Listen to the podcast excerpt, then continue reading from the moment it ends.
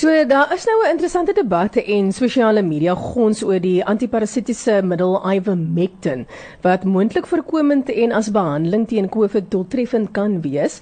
En ons gesels vanoggend met uh, professor Erik de Kloet, hy is mediese spesialis in kliniese farmakologie verbonde aan die Universiteit uh, Stellenbosch se divisie van uh, kliniese farmakologie. Goeiemôre professor, hoe gaan dit vanoggend? Goeiemôre, uh goed en self. Gaan baie goed, dankie. So, kan jy vir ons sê hoe werk die middel Ivermectin? Ivermectin is 'n antiparasitiese middel, tradisioneel dis so 4 dekades gelede ontwikkel. Ehm um, en is spesifiek word spesifiek gebruik vir parasitiese siektes wat in die uh, tropiese dele van die wêreld voorkom. So dis gelukkig nie siektes wat ons algemeen ehm um, in Suid-Afrika kry nie. Hmm. En basies wat dit doen is dit tas dan die senuweestelsel en die spierstelsel van die parasiete aan sodat hulle dan nou uh uh, uh nie verder siekte kan veroorsaak nie. Mm nou kan hierdie middel nou nie maar net vir alle COVID-19 gevalle sommer dan nou maar toegedien word nie. Jong, dit is 'n kontroversiële vraag. Dalk net om een stapie terug te gaan. Ehm um, so daar is die die hergebruik van geneesmiddels vir vir COVID-19 ehm um, is uh, uh, topical um of nie waardig of belangrik gewees sedert die uitbreek van van COVID-19. Um jy sê omdat ons nie iets spesifieks het nie en ons is dringend op soek na geneesmiddels. So julle sal bewus wees ons het na antibiotikas gekyk, antivirale middels. Uh en dis nou die volgende middel uh waarna ons waarna ons kyk. Die probleem met um met ivermectin is dat daar is ehm um, uh, data wat dui dat dit moontlik mag werk, maar die die tipe data is nie goed genoeg op hierdie stadium dat ons uh, met selfvertroue kan sê ons moet dit toedien aan alle uh, mense wat wat COVID-19 het nie. Net om ietsie te sê oor, oor ivermectin, ek uh, stem heeltemal saam dat dis dis redelik dis 'n redelike veilige middel, maar vir die vir rivierblindheid, die die ongeskiktheid tropiese siekte wat behandel word is daar 'n immuunreaksie wat kan ontwikkel wanneer die die parasiete afbreek en dit is 'n redelike ernstige reaksie. Mm. So weet ons al genoeg van ivermectin uh, met sy gebruik in COVID-19 en die potensiële neeweffek uh, uh neeweffek of veiligheidsprofiel. En dit is alles vrae waarmee ons nou moet vroeg as ook die regulatoriese uh, liggame te besluit ehm um, is dit 'n middel wat ons moet gebruik vir COVID-19. So dit sal nou verduidelik hoekom ehm um, dit nou nie eintlik vir mense beskikbaar is nie. Ehm um, en dit is maar net 'n middel vir diere. Ehm um, ja. Ek het net gou graag ja, ja, ja. ek weet gou vinnig daai daai vraag antwoord. Ja. So dit is beskikbaar vir mense, maar in of maar in lande waar hierdie hierdie siekte Daai groep is ja ja ja. Ja, so so mm. ander mense word nie uh, bemark in Suid-Afrika nie want mm. dit is mm. daar's nie 'n mark vir dit nie. Mm, mm. Ehm mm. um, en dis hoekom dit nie beskikbaar is vir mense nie. Maar dit word wyd gebruik vir diere vir parasitiese siektes. Nou maar is daar is daar ernstige neeweffekte waarvan waarvan jy weet uh, by persone wat die middel gebruik het?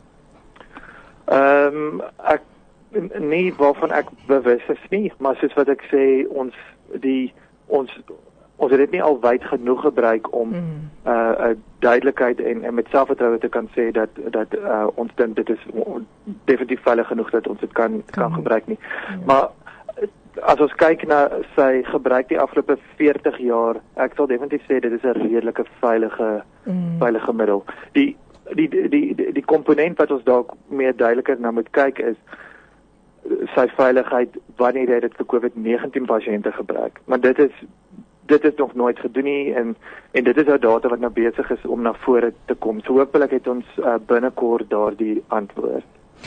So is daar 'n grens tussen oorversigtig wees en nalatigheid van vanaf uh, owerheidskant om te sloer met die goedkeuring? Ja, ek ek dink dis 'n ek dink dis 'n belangrike vraag. Mm. Ehm mm. um, ek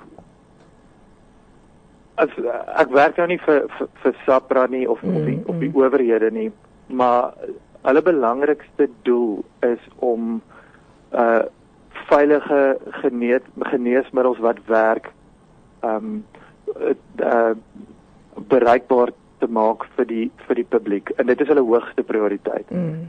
Um ek wil ook noem dat die departement gesondheid het werk die heeltyd hier aan monitor die heeltyd wat gebeur wêreldwyd kyk wat gebeur wat doen ander regulatoriese owerhede net voor Kersfees het die departement gesondheid al die studies gaan evalueer van uh, ivermectin. Hulle is besig om dit weer te doen. Um, ek SAPRA het um, verlede week in detail um, weer gaan kyk na alles uh, en en 'n kennisgewing vrygestel paar bladsye oor oor hulle interpretasie. Ehm um, en hulle moedig aan, hulle ek dink almal is opgewonde dat dit moontlik dalk kan werk, maar dit wat daar buite is, die data wat daar buite is, is nie op die standaard wat met selfvertroue gesê kan word ons mm. ons ons moet dit gebruik nie. En en daai standaard is wat ons gebruik vir elke geneesmiddel wat uh die stempel van goedkeuring kry van van die van die owerhede.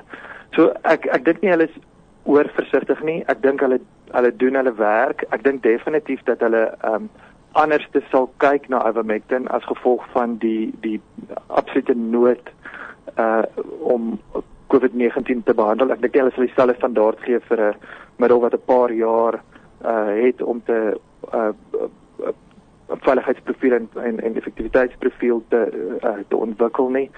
Ehm um, maar dit die data is net net nog nie daar nie. Hmm. So as mense nou net opsom in 'n neutedop, wat wat het hierdie middel wat moet gebeur om hierdie middel dan nou goed te keer vir die gebruik in die behandeling van COVID-19 as 'n mens dit net opsommend sou sê?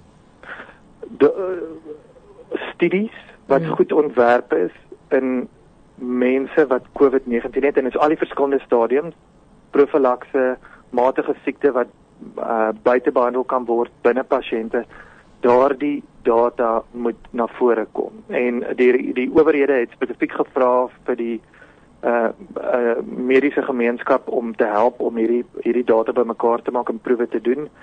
Ehm um, so, so dit is wat moet gebeur. Daar moet daar is data dit lyk belovend, maar dis nog nie as ek uh, woord kan gebruik ryp genoeg, goed mm. genoeg uh om te sê ja, kom ons gaan voort nie.